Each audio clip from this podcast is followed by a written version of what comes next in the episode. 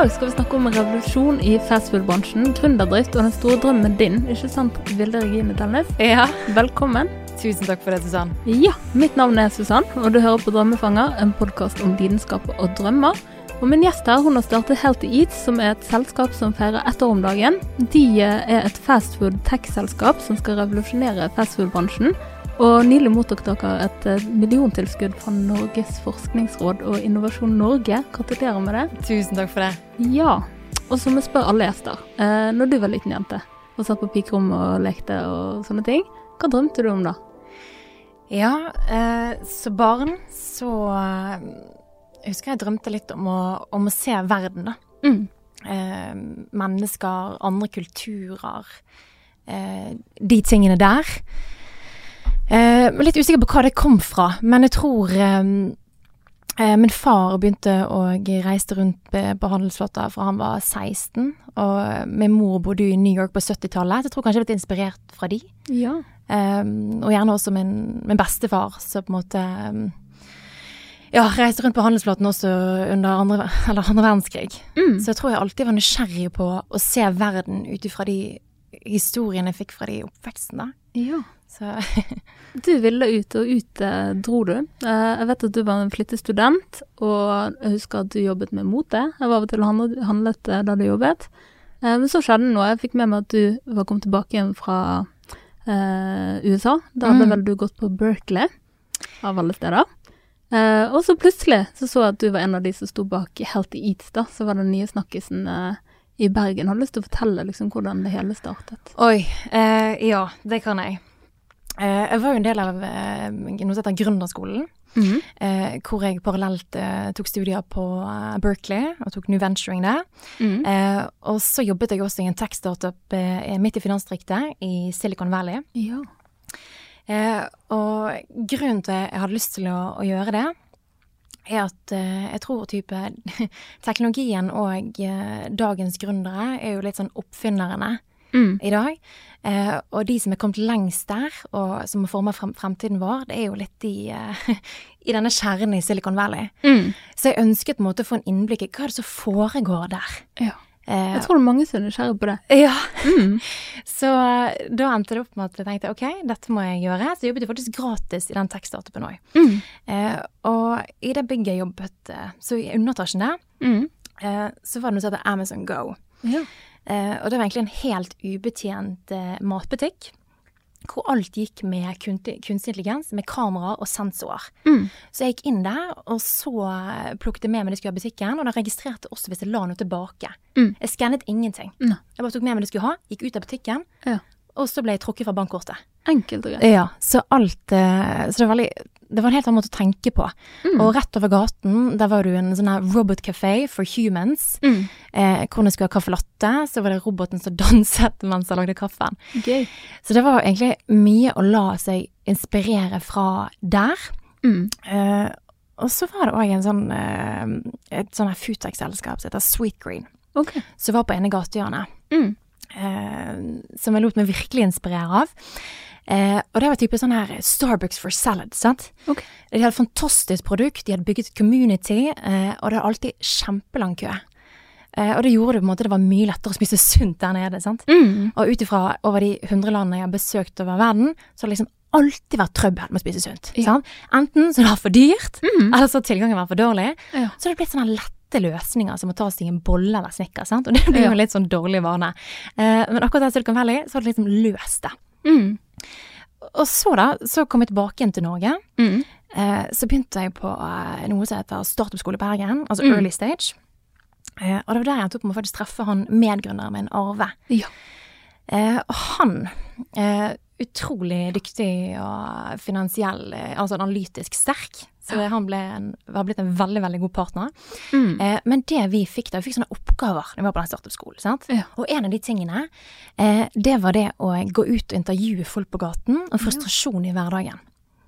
Eh, og da eh, snakket jeg med alle som var ville snakke med meg, som ikke trodde jeg var selger. og det var det alltid fra sånn unge folk i næringslivet, eh, studenter, foreldre, godt voksne. Eh, og jeg pratet i vei og spurte helt eh, om frustrasjoner i hverdagen på generell basis. Mm. Um, så jeg trodde jeg snakket om været i Bergen, men det var ikke det. No. så det var så greit. Men eh, så var det én ting Da Arva Arve skrev i vei, så samlet vi alle disse notatene. Så så vi liksom de unge folkene i næringslivet, studentene, foreldrene. Alle hadde noe til felles, da. Ja. Og dette her helt uavhengig av hverandre. Ja. Og det de sa, det var vanskelig å finne sunn mat i en travel hverdag. ja. Ikke det samme som du tenkte? Ja, det samme som jeg hadde hatt i alle disse landene, så med få Ja. unntak. Uh, og så tenkte jeg ok, Arve, er dette bare et problem uh, på individnivå, uh, Mm. som jeg selv har opplevd, eller er dette et problem på samfunnsnivå? Eh, og så gjorde vi litt research, så fant vi litt sånn forskning. Og den nye forskningen, det var, var fra 2020, Mm. den viste jo det at 70% av nordmenn og én av fire barn er overvektige i Norge. Mm. Eh, og ikke bare det dårlig folkehelse, men det koster jo staten svimlende 68 milliarder Oi, kroner i året. Oi. Ja. Svimle summer. ja. Og dette her er jo på en måte ting vi kunne, eller midler vi kunne brukt på utdanning, vi kunne brukt det på miljøhensyn, Mm. alle disse tingene her. Eh, og det de sier i forskningsrapporten, som kommer til å løse problemet, det er tilgangen på sunnere alternativer. Bedre tilgangen. Ja. Så fant vi ut ok, nettopp dette problemet har vi lyst til å være med og, og løse. Ja. Uh, og det var egentlig sånn som ble helt Eats født, da. Mm. Mm. Så enkelt. Der kom eh, løsningen på problemet, faktisk. Mm. Tenker Vi må nesten forklare hva Helt Eats er. Dere lager jo sunn og hva skal jeg si, bærekraftig mat, laget av superdyktige kokker, har jeg fått med meg. Ja.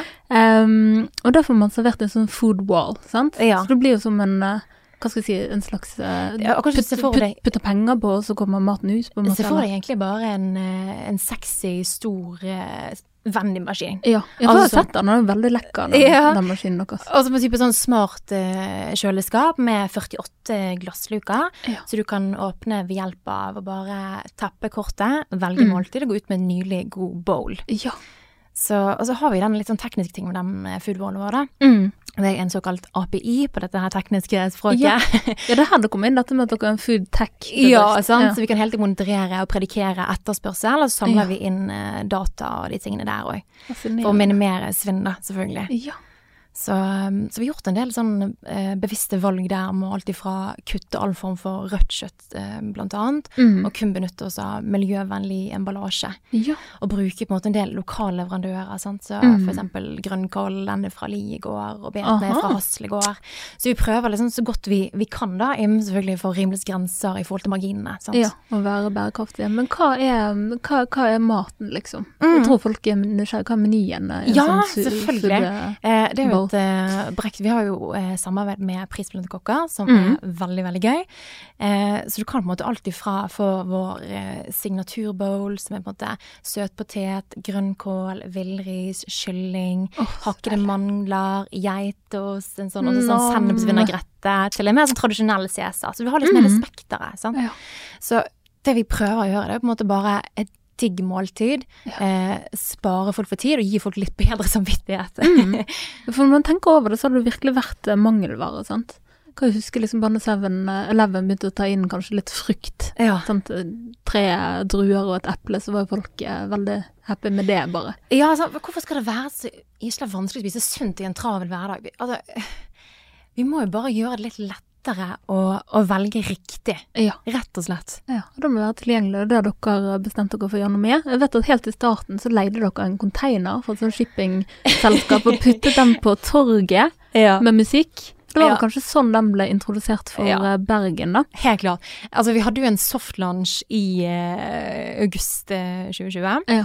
Uh, det var før vi hadde så mye, mye penger, og vi hadde jo veldig begrenset budsjett. Mm. Så svidde jeg jo av sikkert halve budsjettet på, på én dag, for jeg skulle bruke en av verdens beste kokker og en uh, en fantastisk god fotograf, og Ja. da eh, røk eh, mye av budsjettet. Ja. Så da måtte vi finne litt sånn billigere løsning på uh, hvordan vi skulle levere den maten her. Mm.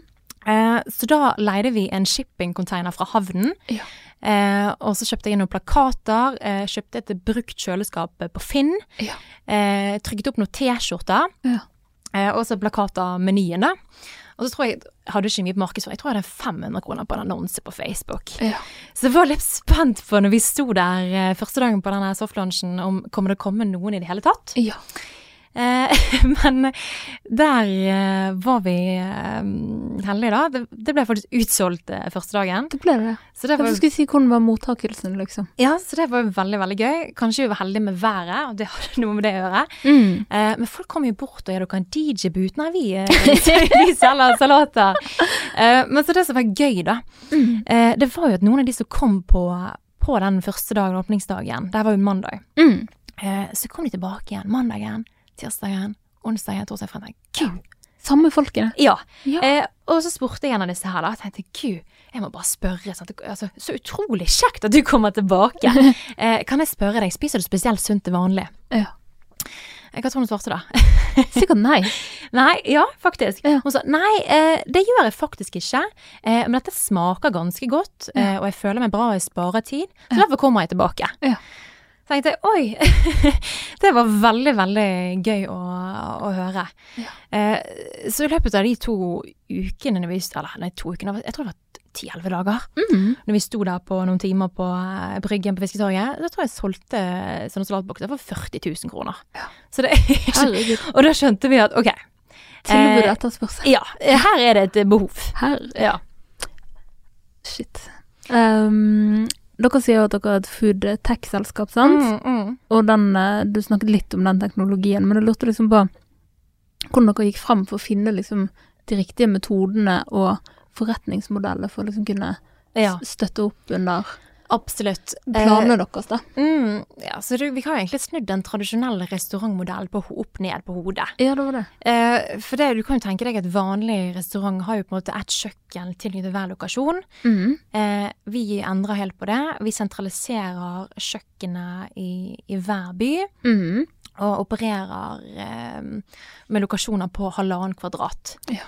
Eh, og så måte kutter vi òg De største kostnadene for selskaper, det er jo personalkost og leiekost. Ja. Sant? Og de kutter vi ned til beinet, mm. som gjør at vi kan også operere med helt andre marginer mm. og gi kundene en veldig god pris. Ja. Sant? For vi har lavere kostnader på andre ting. Ja. Eh, og så er det en volumsbasert eh, modell. Sant? Ja. Så det bygger jo på, på volum også. Sant? ja. Og det er lavere oppstartskostnader i forhold til du slipper disse kjøkkenene. Så vi har jo både eh, produksjonspartnere i mm. hver by og distribusjonspartnere. Så sånn det fungerer i praksis da, så er at hver morgen Mhm. produserer vi faktisk her eh, midt i sentrum med Krinkelkroken igjen, Mm. mellom sånn syv og ni. Mm. Og så kommer eh, distribusjonsselskapet vårt Mhm. og henter sånn i nitiden og kjører ut i de seks lokasjonene Ja. våre. ja. Har lyst til å dele hvilken lokasjon det er? Eh, ja, så nå er vi på, på Bergen Storsenter, Mhm. og så er vi på Haukeland sykehus. Ja. Så er vi på Sonans, eh, Vis Marineholmen, og så er vi også på, på GC Ribar. Ja, så vi er litt overalt. Eh. Det var en god liten miks, da. Ja, en god, en god eh, miks. Eh, Men så tenker når man bra. starter opp sånn helt, eller man er i starten av noe, så er det ikke alltid at man får folk med seg, liksom, og tro på. mm, Men det har jo tydeligvis disse her gjort, sant? ja, Eh, Var det vanskelig å få de med? Mm, absolutt. Spesielt hvis du jobber med statlige aktører, så Mhm. kan det ta litt eh, lang tid. Altså Avtalen med Haukeland har jobbet vi sikkert med godt over seks måneder fram og tilbake. Ja. Eh, og da er det jo gjerne av og til så er det anbudsprosesser på noen ting. Mm. Eh, Så det kan jo være litt eh, krevende. Eh, Men det som vi oppdaget da, når vi på en måte kontaktet folk, og så sa vi sånn ja, hvilket tilbud har dere i dag? Sant? Så sa de å ja, dette er et problem. Eksempel eh, Haukeland sykehus skal jo på en måte være et helsehus. Ja, Men så har de på en måte pizzakartonger stekket til taket på overtidsmat. Sant? Fordi Mm. i mangel på tilgang til, til andre, bedre alternativer. Ja. Eh, Og så sa vi ok, men vi har den løsningen for ja, det, dette trenger vi. Ja. så vi, vi fikk litt det. Og også eh, litt sånn kan du si at det er litt fordelaktig oppe i en eller tragisk situasjon med korona, Mm. så har det vært en del eh, arbeidsplasser, større arbeidsplasser, Ja. hvor kantinene er lagt, lagt ned på ubestemt tid. Mm. Så har ikke de noe tilbud til ansatte, sant? Mm. Eh, og da er jo vi der for å kunne dekke det tilbudet for dem. Og da ser vi gjerne òg at nå når forhåpentligvis verden begynner å normalisere seg litt igjen, eh, så tror vi gjerne ikke at eh, det er alle, alle selskaper som det vil på en måte kunne ha kantinedrift. Det vil ikke være lønnsomt å drive lenger. Mm. Folk kommer sikkert til å gå over til gjerne å ha to dager på kontor i uken, tre dager hjemmekontor. Mm. Eh, og da spørs det om du kan ha en kantine gående, sant? men da kan du ha sånne mer kostnadseffektive løsninger, som for Ja. Healthy Eat. Sant? Ja. Og så kan du tenke deg òg eksempel ferskvaredisken på Meny eller Coop Mm. Extra. Em, nå er det litt skummelt, jeg har i hvert fall ikke tørt å bruke det i det siste, for det er vanskelig å spore smitte. Absolutt. Og da tror jeg det vil komme strengere reguleringer på sikt. Mm. Uh, og hvor skal du da få ferske sin, sunne, digge bowl, sant? Mm. Men da sånn, ok, da fyller vi det behovet også, sant. Ja. Så vi ser jo på en måte at um, det er litt sånn som han Vincent Churchill eh, en gang sa, sånn 'never waste a good crisis'. Sånn. Ja. Eh, så vi ser på en måte eh, mulighetene, da. ja. Så dere er en av de som har dratt fordeler av korona, egentlig? Til dels vis, så har jo Ja. kanskje folk aldri vært mer åpne for å kjøpe fra maskiner fremfor mennesker. Sånn. Mm. For du er på en måte ikke lenger redd for å få en eh, telefon fra Oslo eller Bergen kommune om at du har vært i kontakt med X, Y og Z om å være hjemme i ti dager. Sånn. Ja. Du slipper på en måte det hos oss. Det Så det, ja. så det merket vi òg at når en del, når vi hadde lockdown, vet ikke hva januar vi hadde her i Bergen i hvert fall, Mm. eh, så kunne f.eks. vi holde åpent på flere lokasjoner når andre måtte holde stengt. Mm. I forhold til den løsningen vi hadde. Gud, så bra. Så det var veldig fordelaktig. Fantastisk. Jeg hørte du sa Healthy Eats her, så fint. sant? Jeg tenker det er et ganske snasent navn dere Ja. har. Hvordan kom dere fram til det navnet? Eh, vi skal, eh, det vi, kom vi fram til når vi var på den eh, startup-skolen, altså early stage. Mm. Eh, vi hadde vel en sånn brainstorming, og så skulle vi ha en sånn pitchekonkurranse der. Så det var ganske dårlig tid. sant? Mm. Så da bare slengte vi opp masse navn, og så prøvde vi hva som høres mest catchy ut. Mm. Eh, så begynte vi vel med Eats eh, først. Mm. Men så følte ikke det at det var forklarende nok med det vi holdt på med. Sant? Så, eh, så da ble det helt Eats, da. Så vi, eh, vi holdt oss ved det. Eh, og så, eh, når vi fant ut det navnet, så eh, fikk jeg en, en designer fra India som jeg fant fra Fiverr da, til å hjelpe meg litt med logo. Ja. Så booket jeg han inn, og så fikk vi laget en logo for en 500 kroner. Mm. Og der hadde vi plutselig et produkt. Topp. Så det er tipp topp. Så bra. Her er det kostnadseffektive løsninger. Herlighet. Uh, jeg vet at dere satt dere litt uh, hårete mål om å Mm. bli kanskje først Norges og så Skandinavias uh, største sant? Sett eierskap til sunn fastfood, absolutt. Ja. Mm. Um, før dere skal ta Europa. Ja, absolutt. Hvordan ligger dere an med det målet? Ja, eh, du kan jo tenke at vi åpnet vår første lokasjon i november 2020. Eh, og nå er vi vel i starten av mai, og nå har vi seks Mm. lokasjoner. Mm. Eh, så vi går godt på, godt på vei. Ja. Og nå hadde lukket vi nylig en emisjon og fikk med oss litt nye folk på eiersiden som ja. skal hjelpe oss med dette. Ja. Så jeg tror at det øker mulighetene for å kunne ha en, en vekst. ja, gratulerer. Vet dere har jobbet mye med den, den der. Emisjon, ja. Ja. Ja, det, det har vi, og det har vært en lang og krevende prosess. Men uh, det ble veldig, veldig bra. Mm. Uh, og så har vi tenkt litt sånn større fra dag én, da. Sånn som de, f.eks. for eksempel produksjonspartneren vår. Mm. Eh, de har tilstedeværelse i hele Skandinavia. Mm. Så det vil si at eh, sett at eh, forholdene tillater det, så kan vi på en måte åpne København eh, neste måned hvis vi ønsker det. sant? Ja. Eh, og det gjør ting litt lettere, Ja. istedenfor å begynne på nytt med en produksjonspartner i, i ny by. sant? Ja. Og på en måte vi har standardiserte oppsett både på lokasjonene og på rettene. Så Mm. gjør det på en måte lettere med den utrullingen. sant? Ja. Det er litt sånn plug and play, nesten. sant? Ja. Så vi skal ikke bli overrasket hvis det liksom åpner opp noe i andre land i Ja. framtid? Nei, nå blir det først å ta Norge først og få fotfeste her, men så Mm. vi får det, så vil vi ekspandere ut i Skandinavia før vi måtte gå videre ut i eh, Europa. Definitivt. Mm. Mm. Du sa nå at dere har hatt litt store drømmer fra start, men jeg lurer liksom på har dere hatt en sånn der eh, For dere har fått til så mye på kort tid, sant? så jeg Ja. tenker liksom dere har hatt en sånn langtidsplan eller tiårsplan, eller har ting liksom blitt til mens dere har gått? Ja, eh, vi har jo laget en del planer, da, men Mm. det er veldig, veldig skiftende fra, fra dag til dag. Mm. Så da må vi har jo selvfølgelig strategimål, ok, vi vet vi skal ha 100 foodballs innen 2025 og disse tingene her. Ja. Eh, men Oi! ja. Nå måtte jeg bare Jeg satt og hørte og bare Hæ? ja, altså det er jo på en måte Ja, jeg kan si noe høres det, men det, det er jeg sikker på at vi skal klare å kunne få til. Ja. Hvert fall med den veksten og strategien vi har lagt til hittil. Mm. Um, men det endret seg veldig mye underveis, egentlig. Og Mm. vi, vi har jo noen ting i, i bunnen på en måte hva vi, vi ønsker å være. Mm. Eh, på en måte, når du tenker sunn fast food, skal du tenke healthy eat. sant? Mm. Og når du skal ha noe sunt i farten, så er det oss du skal besøke. Ja. Eh, og på en måte å gi måte folket det digge måltidet, eh, Ja. spare de for tid og gi dem god samvittighet. Mm. Det skal ikke være vanskelig å velge riktig. Altså Vi skal mm. gjøre det enkelt å velge både riktig og Å være tilgjengelig og top of mind liksom hos Ja, Folk. sant. Ja. Og bare gjøre det litt bedre for både folkehelsen, men også bedre for planeten underveis, i forhold til at du også gjør det mer bærekraftig. sant? Så Mm. enkelt som det. sant? Ja. Jeg tenker på du har liksom sant, Du har vært i USA, du har gått på en skole som er ganske kjent, og vært i Silicon Valley. Sant? Det er jo Mm. Hva skal jeg si, det er på en måte tøffe miljø eh, på et eller annet vis når det kommer til gründerdrift og sånne ting. Har du liksom lært noe der som du har tatt med deg? Eller det vil jeg tro, men, Ja. men er det noe spesielt du har tatt med deg videre liksom derfra? Sånn arbeidsmoral eller inspirasjon ellers? Absolutt. Mm. Eh, det som var interessant med de eh, jeg traff de ulike selskapene i, i Silicon Valley, det var alt folk som holdt på med nye Jeg var jo en sånn co-working space i det finansdistriktet der, sant. Og det var jo Mm. liksom noen som skulle bygge en ny krypto, noen som skulle bygge en ny datingplattform. Du hadde på en måte hele spekteret. Ja.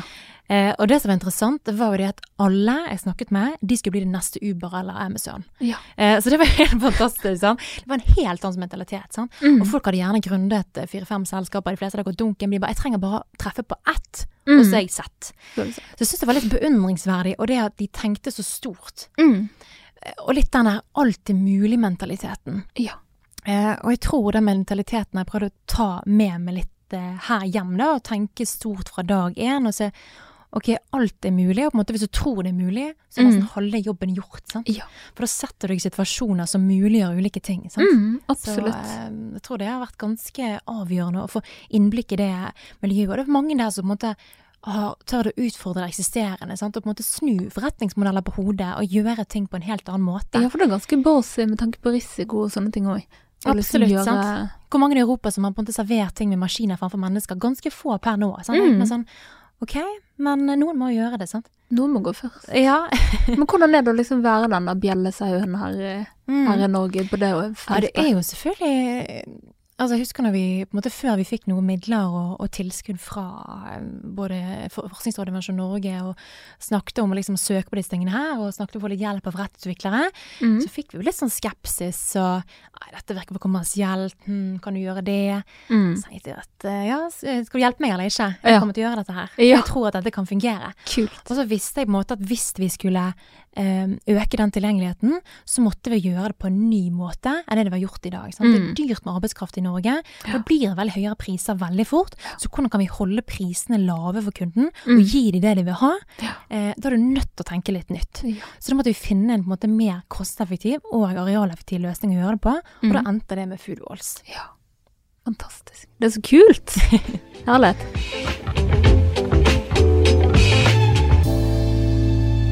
Så da, da kjører vi inn en dag i livet til, Vilde. Så Ok. skal vi se hvordan denne gründerhverdagen ser ut i ditt liv. Ja. Ja. Eh, når står du opp om morgenen? Eh, på sommerstid står jeg opp eh, mellom eh, seks og syv. Ikke så tidlig på vinterstid. Hva sier du til deg selv i speilet om morgenen? eh, ja, jeg prøver å ta med meg litt den Silicon Valley-mentaliteten, da. Liksom at eh, alt er mulig, og at uh, du er god nok. Mm. Det har ikke alltid vært sånn, men uh, jeg vil si at jeg har blitt veldig flink til det nå. Ja. Uh, og jeg tror at hvis ikke du selv tror på det du holder på med, Mm. så vil ingen andre gjøre det heller. Det er veldig sant. Mm, mm. Mm. Hvem er det første du ringer til? Eh, første jeg ringer til, det er vel eh, fort eh, samboeren min eh, Christian, eller, eh, eller min far. Ja. det er vel en av de to. Koselig. Hvilket ord bruker du mest i løpet av dagen? Ord jeg bruker mest i løpet av en dag. Eh, ja, det blir nok mye eh, Ja, ja kanskje. Ja. mye forespørsler? Ja, ok, men det kan vi sikkert få til. Eller ja, det skal vi se på. Så Det et ja-menneske, rett og slett. prøver å være det. Og jeg tror mm. det kan være lurt å være det for å legge mer til rette for muligheter også, sant. Absolutt. Så eh, ja, ja, sant. Det er veldig sant. det blir nok det. Ja, takk som sa ja her òg. ja. Hva lager du til middag? Hvor er det når du spiser den, og hvem spiser du den med? Til middag, eh, ja, hvis jeg ikke spiser halvtid, så eh, spiser jo sammen med Christian. Eh, og Rio, da. Hun sitter ikke med bordet, da, men eh, Det er hun.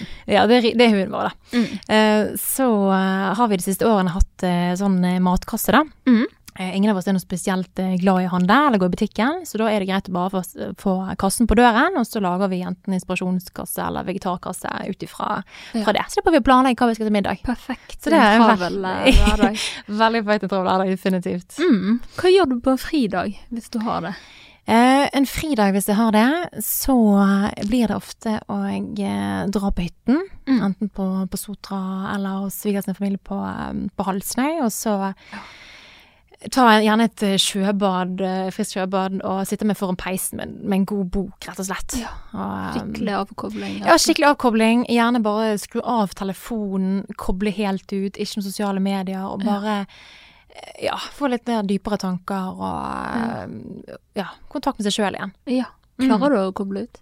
Eh, det er ikke alltid så enkelt, men jeg er blitt flinkere. Jeg har noen sånne morgenritualer som gjør at det er litt lettere for meg å på en måte holde fokus. Og Ok, de må du dele, når vi først har det.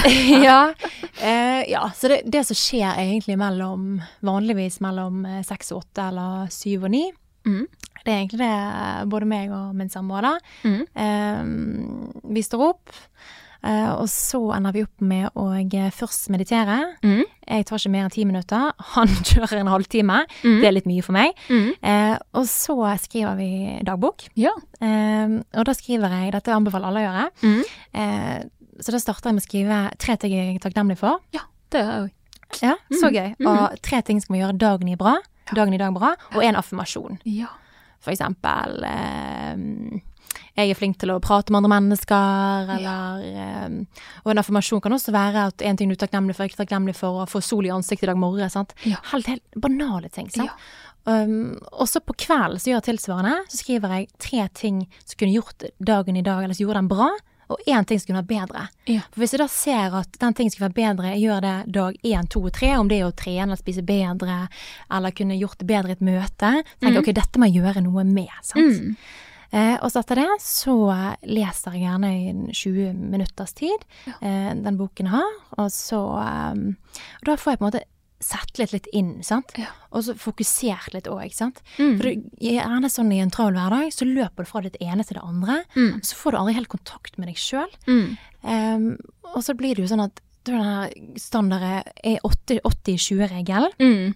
Så det typisk sier sånn ok eh, 20% av det du gjør, altså genererer 80% av resultatene. Mm. Um, og på den morgentiden for meg, da, det er på en måte de av de 20 prosentene, og det hjelper meg å få fokuset på hva som er viktig. Hva må jeg jobbe nå både med personlig Mm. og for selskapet, for jeg skal komme videre fordi det jeg ønsker da. Mm. Så det er, alle bør ha en dagbok som du også har. Ja, det er gull verdt. Det er veldig lurt. Alle som har vært innom selvhjelpshylle og har lært seg det der. Definitivt. Men, men det hjelper jo, det hjelper jo faktisk. Ja, jeg syns jeg er helt enig. Absolutt. Hvilke podkaster hører du på? Eh, Podkast jeg har på. Eh, jeg hørte på, hører på denne Anita, eh, den er godt nok for de svina. Ja. Den har jeg hørt litt på. Og så har jeg hørt på den eh, Er den Forklart den heter? Ja. Bare er med litt Aftenposten. Ja, i Aftenposten. Og få det med Mm. litt oppdatert. Tror det er de. Og så på han eh, den fremgangspodden med Alexander Paleros. eh. ja, den har ikke hørt. Nei, så det er egentlig de. Gøysi Eh, hvilket lesestoff ligger og venter på nattbordet? Eh, jo, på nattbordet. Mm. Da er det den eh, boken som heter The Outliners mm. av eh, Malcolm Gladwell, faktisk. Mm. Ja, så den, den er veldig bra så langt. Gøy. Mm. Det er kult. Um, det jeg tipper de fleste lurer på, det er jo litt sånn når du nå har gründet et selskap som dreier seg rundt mat, sant. Mm. Så det er lett å tenke, har du alltid hatt en lidenskap for mat, Mm. eller er det mer tilfeldig? Eh, ja, jeg tror egentlig det er litt mer uh, tilfeldig på sett og vis, sant. Men, Men det med, med folkehelsen og på en måte overvektige barn, der berører det meg, sant. mm, For når jeg var barn, så var jeg selv litt overvektig mm, og slet med det. mm, Og jeg ønsker ikke den påkjenningen for andre barn. Så derfor er det litt lettere for meg å formidle viktigheten av et sunt og næringsrikt kosthold. mm, Spesielt for, for unge. Eh, så jeg tror at det gjør at jeg kjenner det litt veldig sterkt. Kjenner jeg litt sånn, Ja. Eh, så det, det er veldig viktig for meg, og i hvert fall legge til rette for at det skal bli lettere både for foreldre å gjøre, Mm. velge, gjøre gode valg overfor barna sine. Mm, Eh, men jeg har alltid hatt den ønsket gjerne å, å skape noe, da. mm, Men at det akkurat ble heltids, ja. Sikkert noe tilfeldig også, altså. Mm. Absolutt. mm. Det er veldig fint at du sa det der, for jeg har liksom følt liksom, det var en stor drøm, men at det, man får jo følelsen av at det ligger noe dypere bak, sant? Mm. Og jeg vet ikke om man skal kalle det purpose på engelsk, sant? Eller liksom Ja. Man får jo Mm. inntrykk av at du nesten er på et mission, sant? Med tanke på bedre folkehelse og Jeg ønsker jo på en måte det, da. ditt. Å være med og bekjempe fedme i Norge, og bedre Mm. folkehelsen og også. Og på veien dit, da. mm. Eh, få ned klimautslippene i matindustrien. Sant? Mm. Så det er jo mye som må, må gjøres der. Ja. Eh, så jeg håper jeg kan være med og, å bidra på det. Definitivt. Mm. Hva tenker du da når du velger å gjøre det i Bergen? Sant? Vi snakker ofte om eh, Bergen er jo en stor by, men samtidig sant, lille, lille, lille Bergen. Liten by. Mm. Uh, er det noe man kjenner på når man liksom prøver å bringe inn noe nytt her, at byen er liten? Uh, ja, hva skal jeg si, bå- både og. Er jo, eh, da har man gjerne knyttet seg nettverk, så det kan jo være på en måte greiere inngangsbilletter på ulike lokasjoner eksempel. Mm. Så det kan jo være fordelaktig. Så har man gjerne et større nettverk i hjembyen. Mm. Eh, men det er et vanskeligere marked med Bergen enn Oslo i også for seg, og jeg spesielt innen eh, mat. Ja. Og det ser jo det bare de jeg har snakket med alt ifra i Norgesgruppen og Orkla, sier jo gjerne det at eh, Altså Greit nok at de er dobbelt så mange i, i Oslo, de er gjerne 6000, vi er rundt 300 000, er ikke vi det? Mm. Eh, men du kan si gange på en måte mm, salget på ferdigmat sikkert med ti, sant? Mm. For de eh, kjøper mer, så eh, Ja, det er litt vanskelig marked med Bergen, men so far so good. So far so good. Mm. at Bergen var sikkert klar for dette nå. Ja, Hvis det er en tid man skulle gjort det, så er det sikkert eh, 2020 og 2021. absolutt. Mm. Så tenker på disse her eh, folkene man har rundt seg, for at når du velger å grinde, sant, så er det jo mange som henger seg veldig opp i risikoen man tar. Mm, Så jeg er jeg veldig spent på om liksom de du har hatt rundt deg, har de, har de støttet og oppmuntret, eller har de liksom prøvd å få det til å bremse og Ja. se andre veier, liksom? Eh, Jeg vil si fra min nærmeste så syns jeg jeg har fått uh, veldig mye, mye støtte, og spesielt fra min samboer som også er, er gründer. Mm. Så har det hjulpet masse, og, og de rundt meg har jo også sett han vært gjennom disse prosessene. Ja. Uh, og forstått viktigheten av å ha støtte fra uh, venner og familie spesielt. Og det tror jeg har vært ganske avgjørende, egentlig, å Mm. kjenne på det. For det er jo veldig risiko, både med inntekt og, og det hele. Ja. Så det, mm, det har vært ganske betydningsfullt for min del. Mm. Potensielt så kan du snu opp ned på alt, sant. Så det er Ja. viktig å vite at, du liksom, at noen har ryggen din, da. Ja, så det er jo på en måte en berg-og-dal-bane å starte et selskap. sant? Mm. Eh, ene, bra- ene dagen så kan du ha fantastisk høye salgstall, du får signert nye lokasjoner og større avtaler. og Mm. Neste dagen så har du en teknisk svikt og alle lokasjoner er nede. sant? Så det går litt opp og ned, sant? Ja. Men det er jo litt en del av Ja, det er uforutsigbart. men En del av reisen òg. For hvis du tenker at du bruker sånn en tredjedel av livet vårt på det vi kaller jobb, da. Mm. Så jeg tenker, da er det fordelaktig å finne noe man finner meningsfullt, som du trives med. Det det. Og som gjør at du har lyst til å opp om morgenen og, og ta en del av. sant? Mm. Men så er det det å starte og drive et selskap for min del er jo på en måte mer enn Altså entreprenørskap er så mye mer. Da er på en måte, jeg føler det er et levesett og en livsstil. sant? Mm. Altså, det handler jo på en måte om drive, ta ansvar, entusiasme, Ja. gjøre positive endringer. Ja. Eh, ha selvtillit, troen på at det er mulig, og rett og slett gjøre forskjeller. Mm. Gjøre det lettere for folk å løse folks problemer. sant? Mm. Absolutt. Og da tenker vi da på Sett utenifra så ser dette ut som tidenes suksesshistorie. sant? Jeg syns det har gått veldig, veldig bra Ja. med selskapet fra start. Mm. Men jeg tenker det ligger ofte mye mer bak som man ikke får med seg. sant? Ja. Jeg vil jo tro at det kanskje har vært noen søvnløse netter, har det det? ja, selvfølgelig. Mm.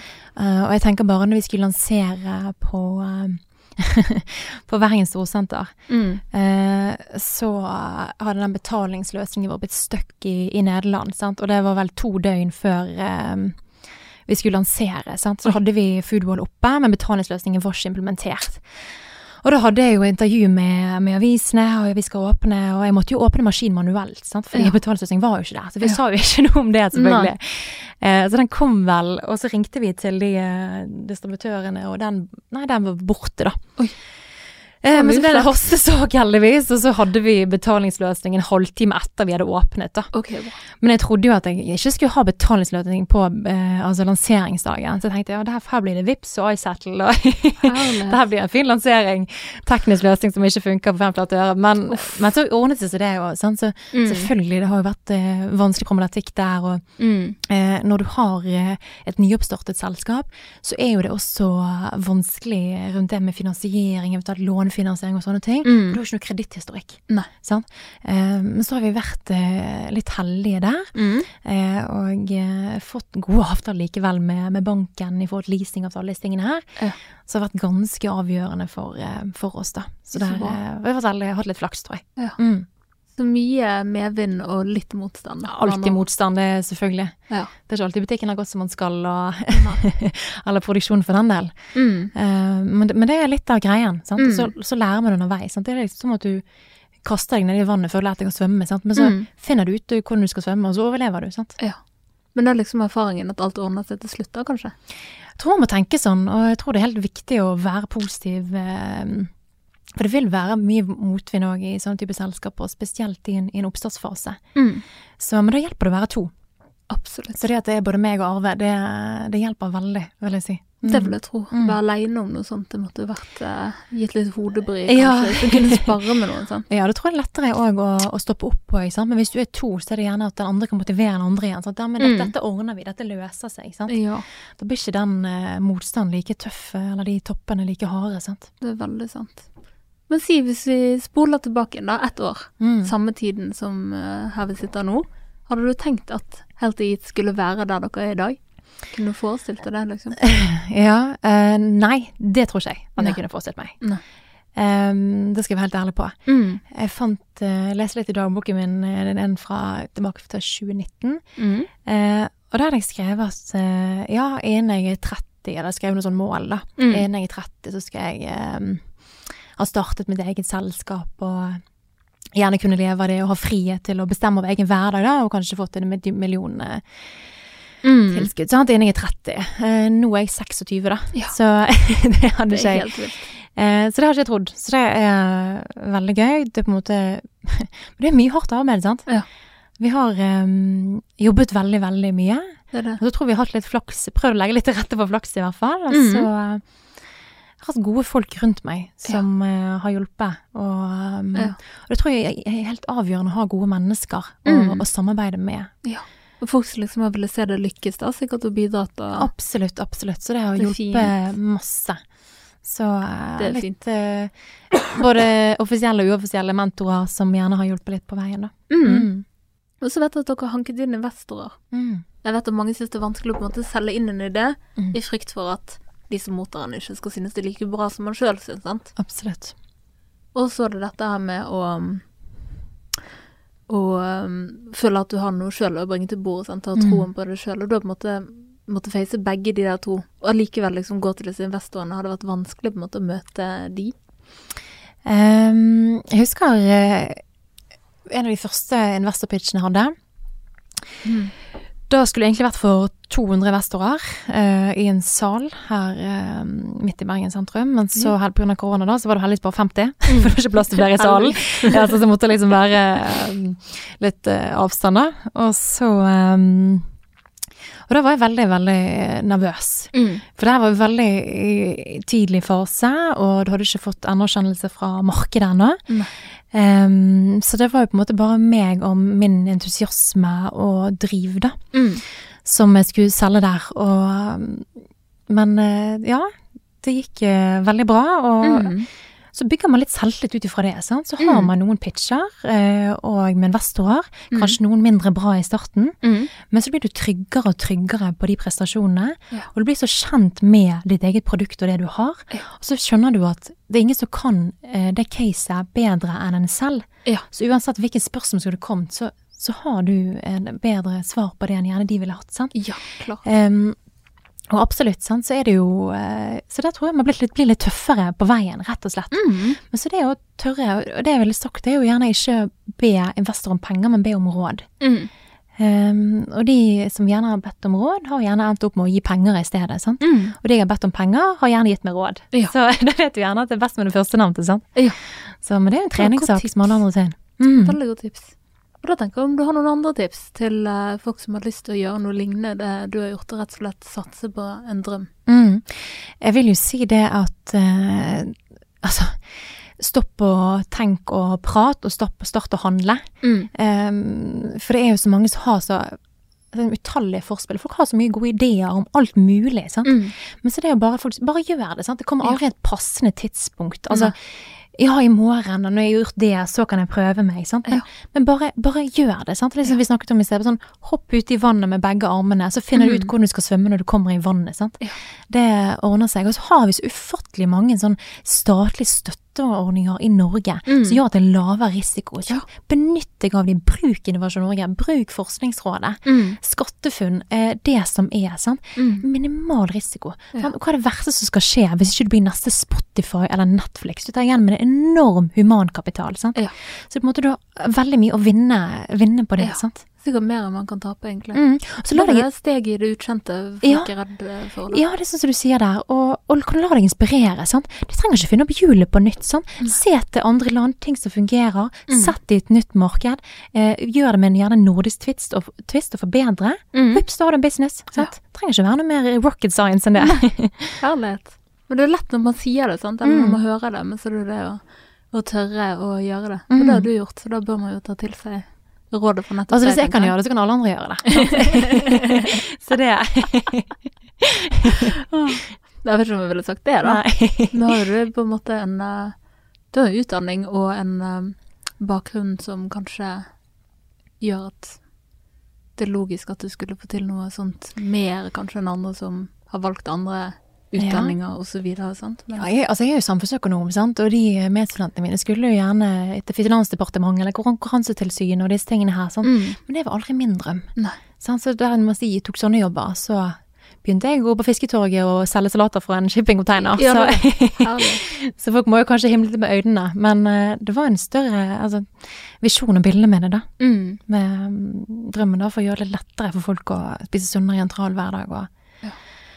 Og bedre folkehelsen rett og slett. mm, for et bidrag. Jeg glemte Mm. å spørre om det i sted, men opplevde du liksom fra start å bli tatt på alvor på en måte med det du rødde på? Jeg tror folk eh, var positive, eh, men jeg tror det var først når vi fikk det milliontilskuddet at folk tok Mm. det virkelig at ok, dette kan du faktisk leve av. Mm. Eh, for i starten så var det en shippingcontainer og de tingene der, sant. Ja. Hørte sånn Ja, men det er jo egentlig bare en container du holder på med, sant. Du har jo master i økonomi, hva du holder på med, sant. kan du fått eh, liksom jobbet som det og det, men Mm. det var sånn den drømmen. Jeg tenkte Ja. jeg må bare prøve. Ja. Så eh, Se hvordan det har gått, liksom. Herregud. Men det kunne gått alle, alle veier, sant. Men ok, men da vet du at da har du i hvert fall prøvd det, sant. Da har du prøvd. Ja. Da slipper du å gå og lure på den drømmen du har, hva som, Det er det, hva som lå bak den døren. på en måte. det viktigste er liksom at man finner noe som man syns er meningsfullt sjøl, rett og slett. sant. Absolutt. Og da er det liksom, da er det greit. Og hvis du er happy, og det gir deg den friheten i, i hverdagen, så, så har man det bedre òg, sant. Ja. Og det er vel det vi alle har ønska, på en måte bare ha det bra, sant. Mm. Merker du at du trives bedre i egen hverdag etter du begynte å styre styre den fullt og helt uh, sjøl? Jeg vil si det. Altså den friheten eh, man- Selvfølgelig, man jobber jo gjerne hele døgnet på sett og vis, sant? men det er noe du virkelig bryr deg om, genuint Mm. om. Ja, det er ditt, på en måte. Ja, det er sant. Så man får en helt annen motivasjon, sant. Mm. Både på den eh, farten og fremgangen og de vinnerskallene man, man blir kjent med, og eh, ja, den personlige utviklingen man får underveis. Sant? Mm. Det gir veldig mye motivasjon. Sant? Ja. Så eh, absolutt. Hva vil du si du har vokst mest på på hele dette eventyret, egentlig? Eh, jeg vil si egentlig det å gjøre ting som er eh, veldig ubehagelige. Mm. Eh, gjør egentlig veldig ting jeg syns er veldig ubehagelige. Ja. Eh, gruer, meg, gruer meg egentlig til noe egentlig hver eneste uke. Ja. Eh, men så gjør jeg det likevel. Ja. så kjenner man Så bygger man litt mestring på det. Så vokser man litt som menneske ut ifra det, da. Absolutt. Så det tror jeg har vunnet masse på. Og um, ja, så blir man tryggere på både seg selv og bygger også selvtillit eh, med det man Mm. på med.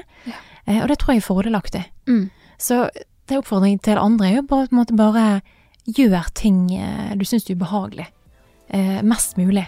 For det er på en måte det er der du vokser, sant. Mm.